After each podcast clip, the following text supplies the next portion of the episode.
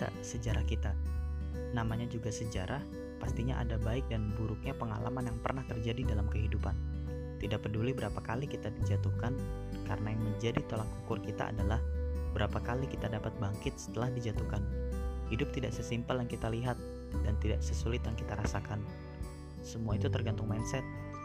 Tapi yang terpenting adalah bagaimana kita belajar dari kesalahan dan berbagi kisah kehidupan agar jiwa kita akan selalu dikenang banyak orang. Hidup kita, sejarah kita.